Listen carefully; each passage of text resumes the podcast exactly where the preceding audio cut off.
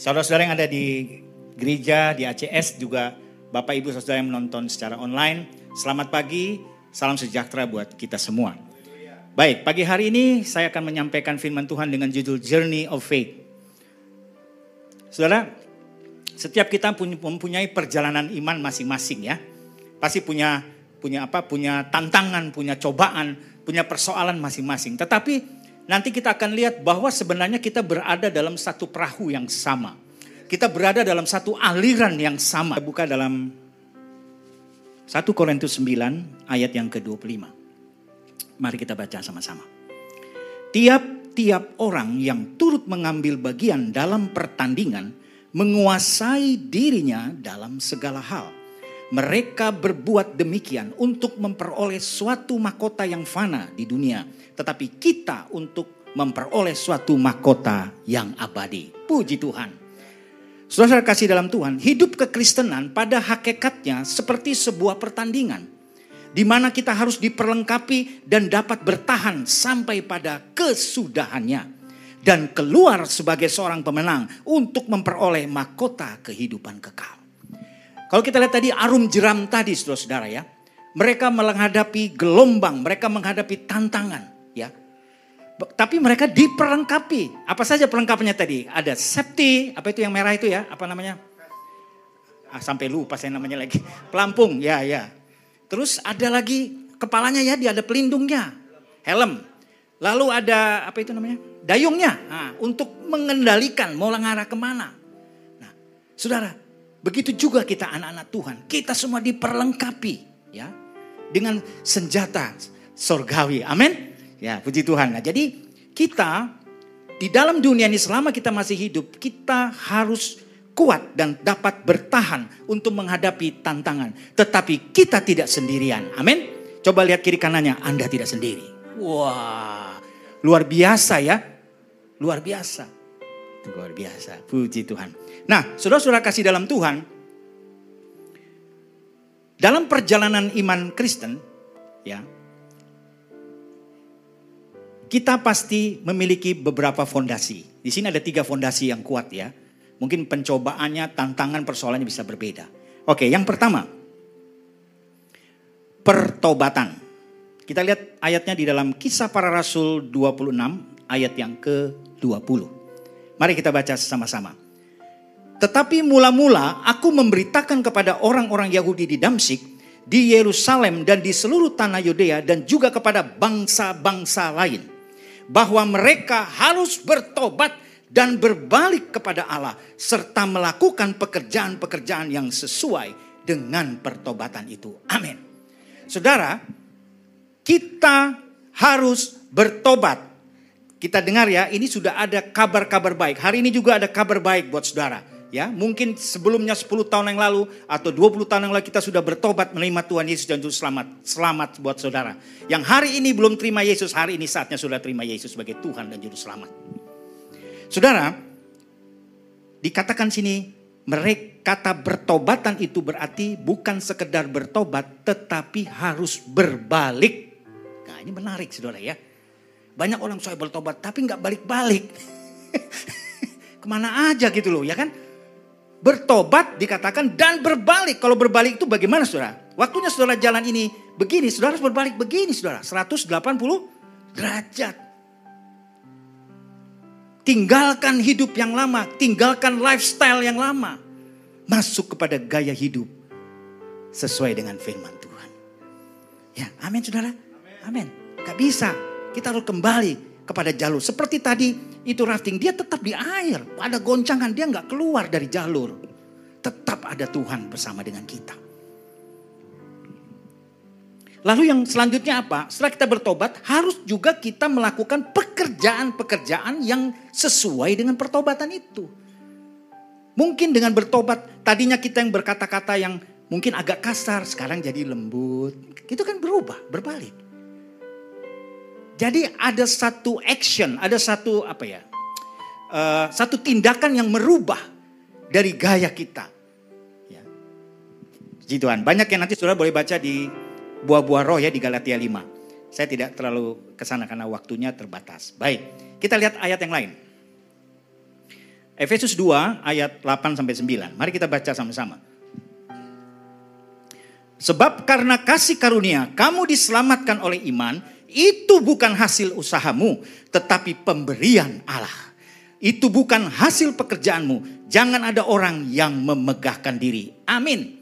Kita diselamatkan oleh karena kasih karunia Tuhan. Amin. Bukan karena kehebatan kita, bukan karena kejagoan kita, bukan karena experience kita, bukan karena pangkat kita yang tinggi. Bukan karena pengalaman kita yang begitu banyak, CV kita yang panjang sampai 40 tahun. Bukan saudara. Tetapi karena kasih karunia Tuhan. Di dalam Yohanes 15 berkata, bukan kamu yang memilih aku, tetapi akulah yang memilih kamu. Siapa sini yang dipilih oleh Tuhan? Angkat tanganmu. Puji Tuhan. Beri kemuliaan buat Tuhan. Haleluya. Saudara dan saya bukan orang sembarangan. Orang yang dipilih oleh Tuhan. Haleluya. Hebat saudara. Karena ada juga yang belum dipilih saudara ya. Bangga gak saudara? Bangga saya. Bangga. Tepuk dada saya bangga dipilih Tuhan. Wah. Ya. Supaya iblis tidak mencurinya itu dari kita. Kadang ah siapa sih lu model kayak kamu aja itu loh. Kok dipilih Tuhan? Oh enggak. Itu hak prerogatif Tuhan memilih saudara dengan saya. Apakah saudara tahu atau saya bisa tahu kok Tuhan milih saya? Saya nggak tahu, tapi Tuhan yang bertindak. Dan kalau sudah waktunya Tuhan, tidak ada satupun dapat menghalanginya. Puji Tuhan, haleluya. Oke, ayat selanjutnya. Roma 10 ayat 9 sampai 10 ya. Kita masih di tentang pertobatan. Mari kita baca sama-sama. Sebab jika kamu mengaku dengan mulutmu bahwa Yesus adalah Tuhan dan percaya dalam hatimu bahwa Allah telah membangkitkan dia dari antara orang mati, maka kamu akan diselamatkan.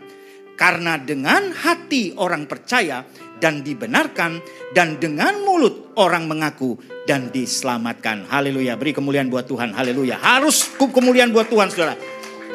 Ketika kita mengaku Yesus Kristus adalah Tuhan dan juru selamat hidupku, maka kita diselamatkan. Dua luar biasa. Mari kita ucapkan. Satu, dua, tiga. Ayo, aku percaya kepada Tuhan Yesus. Maka kita, satu, dua, tiga. Aku percaya kepada Tuhan Yesus. Ya, puji Tuhan. Nah, jadi saudara, di dalam uh, Yohanes atau Yohanes atau Matius ya, yang enam itu berkata bahwa akulah jalan, kebenaran dan hidup. Ya. Jadi kalau Tuhan Yesus berkata akulah jalan, akulah kebenaran dan hidup berarti keselamatan hanya ada di dalam Yesus Kristus Tuhan. Yohanes 3:16 kalau Natal kita baca karena begitu besar kasih Allah ke dunia ini sehingga ia mengaruniakan anak yang tunggal supaya setiap orang yang percaya kepadanya tidak binasa melainkan beroleh hidup yang kekal. Haleluya, puji Tuhan. Oke, kita masuk yang kedua. Ya, ini yang kedua agak agak panjang sedikit ya karena ini penting ya. Yang kedua, hidup dalam kekudusan. Jadi setelah kita bertobat, tentu kita tidak Bem salah bem. Everything is okay. Kita sudah selamatkan, sudah ada penolong, sudah ada Tuhan dalam hidup kita. Tetapi di dunia ini masih ada tantangan. Kita masih hidup, ya, oke? Kita baca Ibrani 12 ayat 14. Berusahalah hidup damai dengan semua orang. Katakan dengan semua orang ya.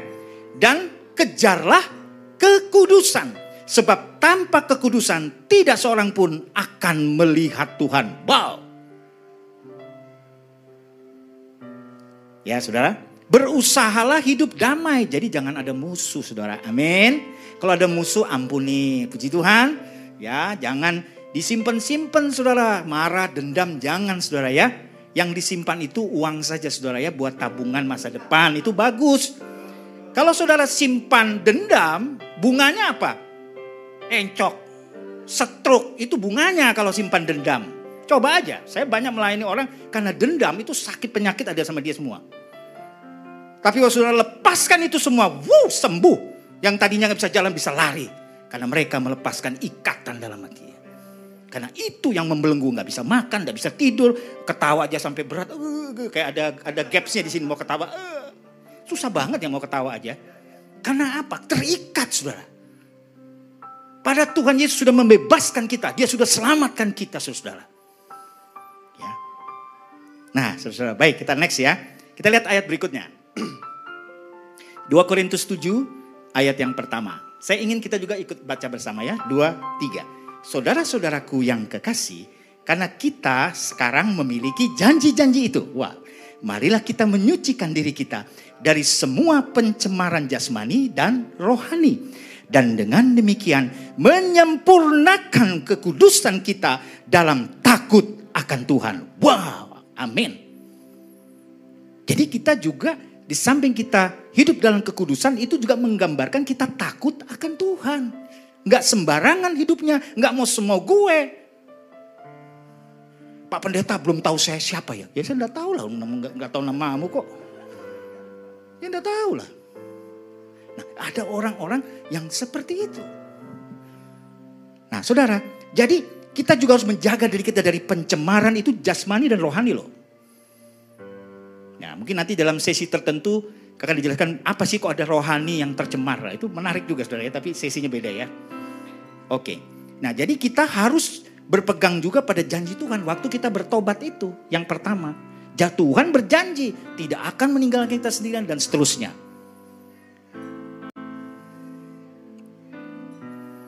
Puji Tuhan. Oke, selanjutnya ayat berikutnya. Roma 12 ayat 2. Ini masih dalam tentang kekudusan Saudara ya. Jadi ada pengertian-pengertian yang mendukung tentang kekudusan. Roma 12 ayat 2. Mari kita baca sama-sama. Janganlah kamu menjadi serupa dengan dunia ini, tetapi berubahlah oleh pembaharuan budimu sehingga kamu dapat membedakan manakah kehendak Allah, apa yang baik, yang berkenan kepada Allah dan yang sempurna. Loh Pak, saya ini kan masih di dunia Pak. Iya kita semua juga di dunia. Tetapi gaya kita jangan gaya seperti orang dunia. Amin. Nggak masalah. Oke.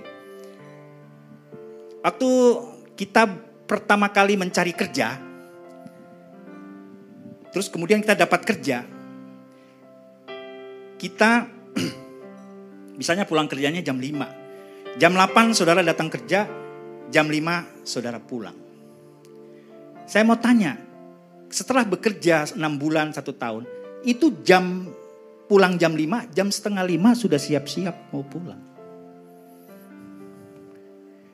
Benar atau salah itu? Kadang ada jam 4 sudah siap-siap, sudah jam lagi mau pulang sudah siap-siap. Tapi waktu pertama mendapat kerja, wah aktif sekali. Nah ini bicara kita tidak konsisten. Kita tidak berpegang pada janji bahwa jam kerja kita tuh jam 8 sampai jam 5. Ya jangan setengah 5 sudah siap-siap.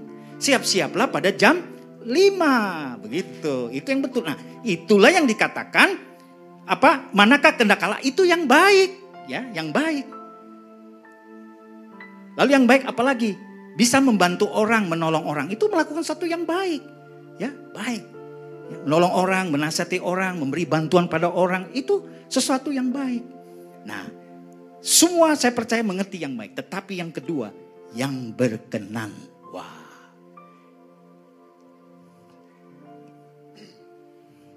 Di dalam satu kantor, departemen marketing ada 20 orang.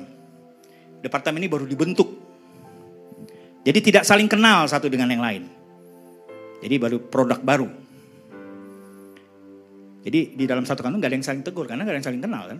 Nah, lalu waktu makan siang mereka makan di kantin ya dapat dikasih fasilitas Antrilah mereka makan. Terus ada satu orang waktu ngambil makan ditegur, Mas, Mas aslinya dari mana? Oh saya dari Jogja, kebetulan saya dari Jogja. Oh ya saya dari Jogja juga. Gitu. Oh iya dari Jogja. Oke, oh Mas dari Jogja juga. Wah nanti kita habis makan kita duduk bareng ya, ngobrol boleh. Oh ya boleh boleh. Nah, setelah itu mereka ambil makan, duduk bareng.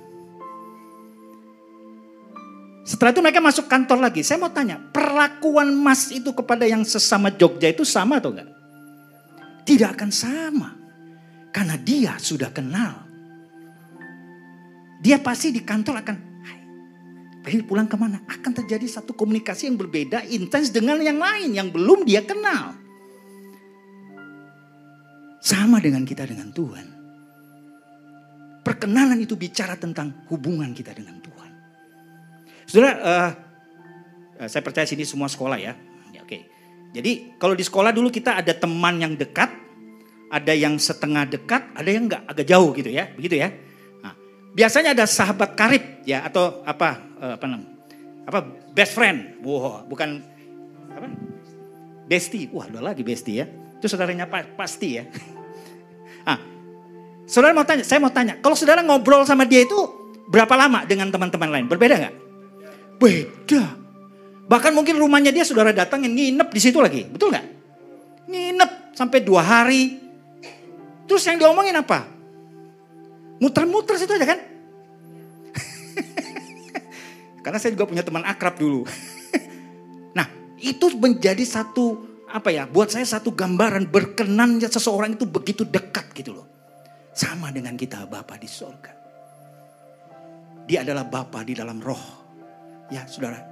Sedangkan secara teman jasmani kita saja, apa tadi bestie itu, kita saja bisa makan bareng, jalan bareng, ya kan? Mungkin tidur bareng karena sama jenisnya ya, nggak apa-apa. Tidur bareng. Pokoknya kayaknya seolah-olah sudah nggak mau pisah gitu karena dekat sekali. How about with your God? Tuhan ini saya lagi ada persoalan saya perlu engkau. Waktu nggak ada persoalan nggak perlu Tuhan. Hati-hati saudara. Ya. Keadaan itu bisa baik, bisa tidak baik. Tetapi kalau kita ada di dalam Tuhan dan berkenan, Tuhan tidak pernah meninggalkan kita. Orang lain boleh meninggalkan kita. Siapa saja, tapi Tuhan tidak pernah meninggalkan kita. Dan Tuhan punya banyak cara untuk menolong kita. Dia bisa pakai siapa saja untuk menolong kita. Dia bisa pakai siapa saja untuk memberkati kita. Bahkan mengangkat kita. Karena dia maha kuasa. Beri kemuliaan buat Tuhan. Haleluya. Jadi berkenan itu sesuatu yang di atas hanya sekedar baik. Kalau baik itu memang harus kita lakukan. Tetapi kita masuk di level yang berikutnya kita hidup berkenan, kita dekat dengan Tuhan. Ya. Lalu yang selanjutnya, yang sempurna. Saudara, memang gak ada manusia yang sempurna ya. Tapi paling tidak nilainya ya 8 gitu loh ya kan. Jangan 5 gitu, jauh banget gitu. ya, jangan sampai dapat rapor merah gitu loh ya. Memang kita nggak sempurna, tetapi janganlah kita sebagai anak Tuhan yang hidupnya berkenan itu nilainya terlalu jauh gitu loh ya. Mungkin tidak sempurna, we nobody perfect. Tetapi kita terus berusaha. Tapi nilai kita paling nggak bagus lah. 8 lah, oke okay lah 8 lah. Gitu. Kan. Nah saudara kasih dalam Tuhan. Kita masuk ke berikutnya. 5 tips menjaga kekudusan. Ya, ini ditulis oleh Dr. Peter Wagner, Church Growth Movement uh, orangnya sudah meninggal tahun 2016. Saya pernah bertemu dengan beliau di SPGI tahun 2001 di Surabaya ya. Jadi saya catat ini sudah tadi kemarin dia bisa, Pak ini dapat dari mana katanya? 2001 saya tuh nyatet di bukunya masih ada sampai hari ini di rumah. Ternyata catatan itu luar biasa saudara ya. Belum ada handphone belum terlalu terkenal tahun itu ya. Belum ada. Handphone masih mahal banget. Ya masih ada yang handphone kayak batu bata tuh. Handphone apa namanya itu? Ya, nah, lima tips menjaga kekudusan. Yang pertama, ya, hubungan relationship, relationship dengan Tuhan setiap hari. Itu berarti kita harus bayar harga. Jadi the first God. Bangun pagi, wah, kita cuci muka dulu, gosok gigi, nggak apa-apa ya. Jangan ketemu Tuhan belum gosok gigi ya, sudah ya. Teman-teman, wah kita sudah masuk dalam doa. Saat teduh, kunci kamar sendiri dengan Tuhan ada eksklusif bersama dengan Tuhan. Saudara-saudara, orang yang bergaul erat dengan Tuhan, pasti Tuhan berikan perbedaan, saudara. Dengan orang yang gak erat sama Tuhan. Karena Tuhan itu bertanggung jawab dan dia responsibel kepada kita. Biar aja orang lihat, oh kamu kayak begitu, biarin aja orang. Kita hidup bukan apa kata orang, tetapi apa kata firman Tuhan. Itu yang kita pegang dan jalan terus, saudara. Beri kemuliaan buat Tuhan. Haleluya. Gak bisa kita. Orang hari ini bisa A, B, C, D, F, gak jelas ya kan. Tapi kalau firman Tuhan bilang berkata, kalau Tuhan itu dekat seperti pakaian yang kita pakai. Lebih dekat dari pakaian yang kita pakai. Uh hebat saudara. Karena bagi Tuhan tidak ada yang mustahil. Saudara. Wah luar biasa. Ya jadi saudara-saudara ini sangat penting bukan mengingatkan saudara-saudara saja. Saya juga kita harus semua berjaga-jaga dengan berdoa. Kalau kita pagi sudah berdoa itu sudah temu Tuhan, sudah wah sudah puji Tuhan. Kita sudah mendapatkan wisdom, baru kita baca firman Tuhan mungkin satu perikop atau beberapa ayat, tidak apa-apa saudara. Tapi mulai. Jangan sudah dipikir, wah susah nih saya harus baca gini. Tidak usah, jangan jadi beban. Kita harus enjoy ikut Tuhan, amin. Kita harus suka cita bersama Tuhan karena Tuhan sudah selamatkan saudara dengan saya. Tantangan persoalan boleh ada, tapi kita harus maju terus. Oke, yang kedua, Akui semua dosa yang engkau ketahui. Yang kau sudah tahu mungkin saudara salah, cepat dibereskan. Ya, Roh Kudus kadang mengingatkan kita, eh tadi kamu salah begini loh, bikin dosa ini. Oke. Lalu yang ketiga, perbaiki segala kerusakan yang diakibatkan dosa. Jadi ini saya kasih contoh satu ya. Jadi waktu itu saya pernah pelayanan di satu kota di daerah Kalimantan. Jadi ada orang seorang wanita muda datang gitu ya apa? Ah, apa sih namanya? Hamil. Jadi selesai khotbah dia maju ke depan. Pak pendeta, saya mau bunuh diri. Waduh. mau bunuh diri laporan sama pendeta. Ya repot ini. Nah, saudara-saudara. Oke, kita duduk, kita bicara, saya sama kita ketemu saya ngomong, kenapa kamu bunuh diri? Karena ini mereka melakukan hubungan di luar nikah.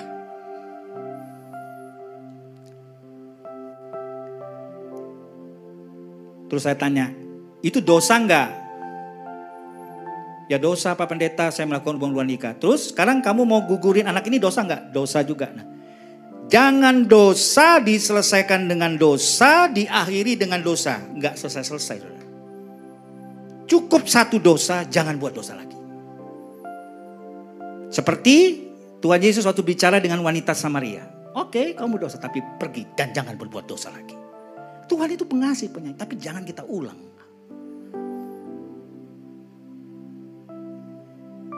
Bereskan. Kita layani minta ampun, begini-begini selesaikan. Ya, akibat dosa ya mungkin ada yang ditanggung, tetapi kan tidak berbuat dosa lagi. It's okay, nobody perfect gitu loh. Jadi jangan dosa diselesaikan dengan dosa. Ditanya lagi sama orang yang nggak nggak bisa memberikan advice yang bagus, tambah parah dia. Ya, tapi kita selesaikan satu-satu dengan baik. Dan saya percaya hari itu dia merasa dilepaskan. Karena dia sudah terikat dengan roh. Mau bunuh anak itu atau dia juga bunuh diri. Wow.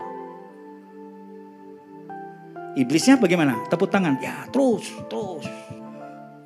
Dijorokin kita malah. Tapi puji Tuhan hari itu dia masuk ke gereja.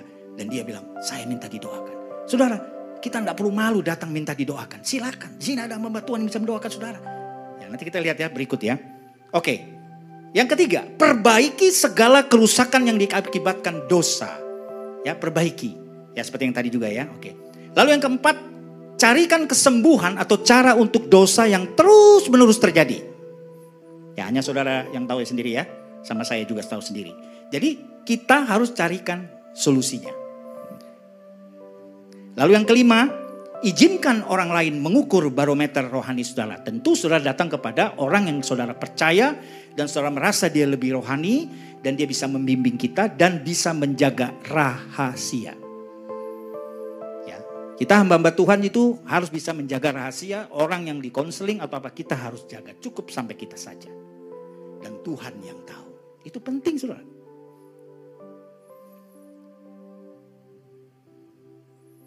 Puji Tuhan, haleluya. Ya, siapa yang sini mau bertumbuh? Amin, amin. Hidup dalam kekudusan, amin. Puji Tuhan, ya. Pak, ada pertanyaan. Saya kadang menghadapi masalah kekudusan ini tidak mudah Pak, karena daging saya lemah. Ya memang semua daging orang juga lemah.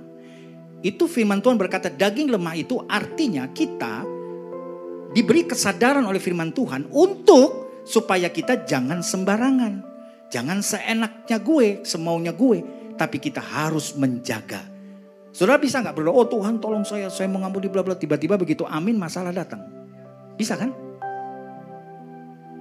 Toto balik lagi gitu loh. Enggak saudara. Jadilah tenang supaya engkau dapat berdoa. Jangan gerusuk-gerusuk, gerasa gerusuk. Itu gerasa gerusuk bisa kita tidak tenang, akhirnya salah mengambil keputusan. Salah pun Tuhan masih mengampuni. Ayo balik lagi luar biasa Tuhan Yesus ya. Beri tepuk tangan dulu dong. Dahsyat saudara ya. Hari ini saudara nonton online apa pun persoalan saudara mungkin saudara membuat satu kesalahan keputusan atau apa pun. Berbalik kepada Tuhan. Tuhan tangan Tuhan terbuka buat saudara dengan saya. Kita tidak ada yang sempurna. Tetapi ketika kita tahu sesuatu yang baik itu ada. Kita harus kembali kepada jalannya. Puji Tuhan. Baik. Lanjut ya. Yang ketiga sekarang. Second coming. Atau kedatangan Tuhan yang kedua kali. Saudara-saudara dalam perjalanan iman kita sampai pada satu titik di mana kita bertobat, kemudian kita hidup di dunia ini sambil menantikan kedatangan Tuhan yang kedua kali. Betul ya? Kita kan ini kan calon mempelai Kristus, oke? Okay? Ya. Baik. Kita baca 1 Tesalonika 5 ayat 23. 1 2 3. Semoga Allah damai sejahtera menguduskan kamu seluruhnya dan semoga roh, jiwa dan tubuhmu terpelihara sempurna dengan tak bercacat pada kedatangan Yesus Kristus Tuhan kita. Wow. Jadi kita juga harus berusaha menjaga. Ya, karena Tuhan juga memberikan kepada kita sebuah kehendak. Betul ya? ciptaan Tuhan itu yang berbeda tuh kita saja. Kau Tuhan ciptakan pohon, ikan, ya udah gitu ya. Kok kita bisa bisa bertindak dan bisa melawan. Kan begitu ya? Karena dosa tadi dari si opa-opa Adam itu sampai ke kita itu bedanya ya. Nah, oleh sebab itu roh karena manusia terdiri dari tiga ya tubuh, jiwa dan roh. Nah tiga-tiganya ini harus kita pelihara dengan sempurna. Berarti kalau tubuh harus se sehat. Ya, makan secukupnya, bukan sebanyak-banyaknya. Itu beda Saudara ya. ya. Secukupnya ya, sesuai dengan body masing-masing. Haleluya. Ya dong kan kalau ada yang lambungnya besar kan beda kapasitasnya ya kan. Ada yang agak setengah besar dan kecil. Hah? Oh, eh, bukan saya yang ngomong ya. Oh haleluya, jadilah kehendakmu Bapa di surga. Puji Tuhan. Lalu kita juga harus menjaga jiwa kita. Nah jiwa ini penting saudara. Kalau orang mengalami stres, mengalami tekanan, jiwanya bisa terganggu. Bisa terganggu jiwanya. Kadang diajak ngomong nggak loadingnya lama ya, searching terus ya kan. Kadang-kadang buffering gitu, kok gak, kok gak nyampe-nyampe, muter-muter aja gitu loh. Ada yang begitu ya? Oh haleluya, hari ini harus didoakan ya supaya langsung truk masuk, nggak pakai buffering-buffering lama-lama. Ya, jiwanya terganggu. Ngomong apa? Oh ya nggak nyambung, ya kan? Jadi jiwanya harus dipenuhi dengan apa? Dengan hati yang tulus. Puji Tuhan. Lalu yang selanjutnya rohnya. Nah roh ini apa? Roh ini berbicara tentang kita relationship dengan Tuhan tadi yang pertama. Karena Allah kita adalah roh, maka sembahlah dia di dalam roh dan kebenaran. Masuk tuh dalam dimensi roh dengan doa, pujian, dan penyembahan. Udah itu aja, nggak, nggak repot. Masuk dalam dimensi roh. Mau lama, mau sebentar, nanti kalau saudara sudah akrab dengan Tuhan, dekat sama Tuhan, bu, bisa berlama-lama saudara berdoa. Mungkin pertama is oke okay lah 5 menit, 10 menit. Tapi lama-lama saudara akan merasakan luar biasa. Puji Tuhan. Ayat selanjutnya. Ibrani 4 ayat yang ke-13. Mari baca sama-sama. Dan tidak ada suatu makhluk pun yang tersembunyi di hadapannya. Sebab segala sesuatu itu telanjang dan terbuka di depan mata dia. Yang kepadanya kita harus memberikan pertanggungan jawab. Wow. Suami bisa bohongin istri, istri bisa bohongin suami, tapi Tuhan tidak bisa dibohongin. Betul ya? Hmm. Dari mana kamu? Enggak dari situ. Ah yang benar, enggak dari situ. Bibir monyong 5 cm ya sudah bimoli. Nah saudara, ada suami Suami, iya istrinya. Istrinya kalau panggil istrinya, kan kalau kita tanya es itu dari mana? Dia pakai over there dari mana gitu. Manggil suaminya aja seperti itu. Situ, wah ada namanya kan suaminya. Masa nama suaminya situ? Baru suaminya panggil istrinya sini gitu. Jadi di keluarga sana situ. Jadi bangunlah komunikasi yang baik suami istri. Amin. Waktu pacaran, aduh darling, honey, apa anggur, macam-macam deh ya, strawberry dipanggil. Wah sudahlah, mangga, apa harum manis, wah semua buah-buahan keluar buat ceweknya. Begitu sudah menikah, hmm, jangan saudara. Tetap anggur itu ada dalam hidup kita.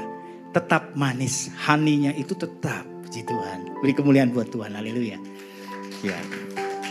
Nah, saudara kasih dalam Tuhan, ini kita harus mempertanggungjawabkan, mempertanggungjawabkan apa perbuatan kita. Ada yang tidak kelihatan, ada hiding, hiding apa dosa yang tertutup kita harus buka. Kita harus, nah itu di atas kan menjaga kekudusan, akui segala dosamu di hadapan Tuhan. Tidak perlu orang tahu Tuhan, aduh aku salah tadi. It's okay. Karena dosa itu saudara ya, seperti kita memelihara anak singa.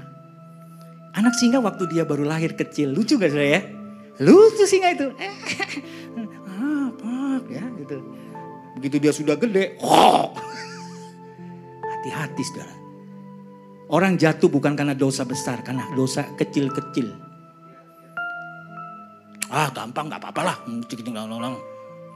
Gak apa-apa, kita belajar saudara. Saya juga pernah bisa jatuh kita. Kita bisa jatuh semuanya, siapa saja. Tetapi kita harus belajar untuk melompat ke depan. Dan kita tinggalkan itu gaya-gaya kita atau cara kita. Kita belajar sesuatu yang baik. Nobody Dan orang yang berhasil itu karena dia pernah gagal. Orang yang berhasil karena pernah dia mengalami membuat kesalahan. Tidak apa-apa saudara. Tetapi kita punya Tuhan Mungkin manusia tidak bisa tolong kita, tetapi Tuhan punya cara untuk menolong saudara dengan saya. Beri kemuliaan buat Tuhan, haleluya, puji Tuhan. Haleluya, puji Tuhan. Next. 2 Timotius 4 ayat yang ke-8. Kita baca sama-sama. Sekarang telah tersedia bagiku mahkota kebenaran. Ah, ini yang kita nantikan dari semua perjalanan dari pertobatan, hidup yang kudus, berkenan kepada Tuhan, akhirnya kita harus mendapatkan hadiah, mahkota kehidupan. Itu di surga kekal, tidak ada sakit penyakit, tidak ada kesusahan. Kita hanya memuji-muji dan menyembah Tuhan. Wow. Ulangi ya, 2 Timotius 4 ayat 8. Sekarang telah tersedia bagiku mahkota kebenaran yang dikaruniakan kepadaku oleh Tuhan, hakim yang adil. Pada harinya tetapi bukan hanya kepadaku, melainkan juga kepada semua orang yang merindukan kedatangan Tuhan. Mari angkat tangan. Siapa yang rindu kedatangan Tuhan? Mengangkat kita kawan awan. Tos kiri kanan katakan, Tuhan pasti menyelamatkan kita. Wah, beri kemuliaan dong. Yesus Tuhan dan Allah kami Engkau layak menerima pujian, hormat dan kuasa, sebab Kau telah ciptakan segalanya. Amin.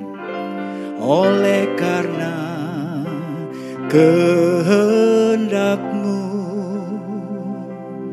Semuanya itu telah ada dan diciptakan untuk kemuliaanmu. Terpujilah Tuhan, oh sana terpujilah. Terpujilah Tuhan Yesus oh, oh, oh sana Terpujilah Tuhan Terpujilah Tuhan Yesus Kita masuk pada kesimpulan. Munculkan slide-nya. Saya minta pemain musik yang lain bisa maju ke depan. Kesimpulan, mari kita baca sama-sama. 1 Timotius 4 ayat yang ke-8. 1, 2, 3. Latihan badani terbatas gunanya. Tetapi ibadah itu berguna dalam segala hal. Karena mengandung janji. Baik untuk hidup ini maupun untuk hidup yang akan datang. Beri kemuliaan bagi Tuhan. Terima kasih karena kamu sudah join dan mendengarkan khotbah dari Pastor Hendra Sahetapi. Yuk share ke teman-teman lainnya agar lebih banyak lagi jiwa yang diberkati. Anugerah Church at Storehouse.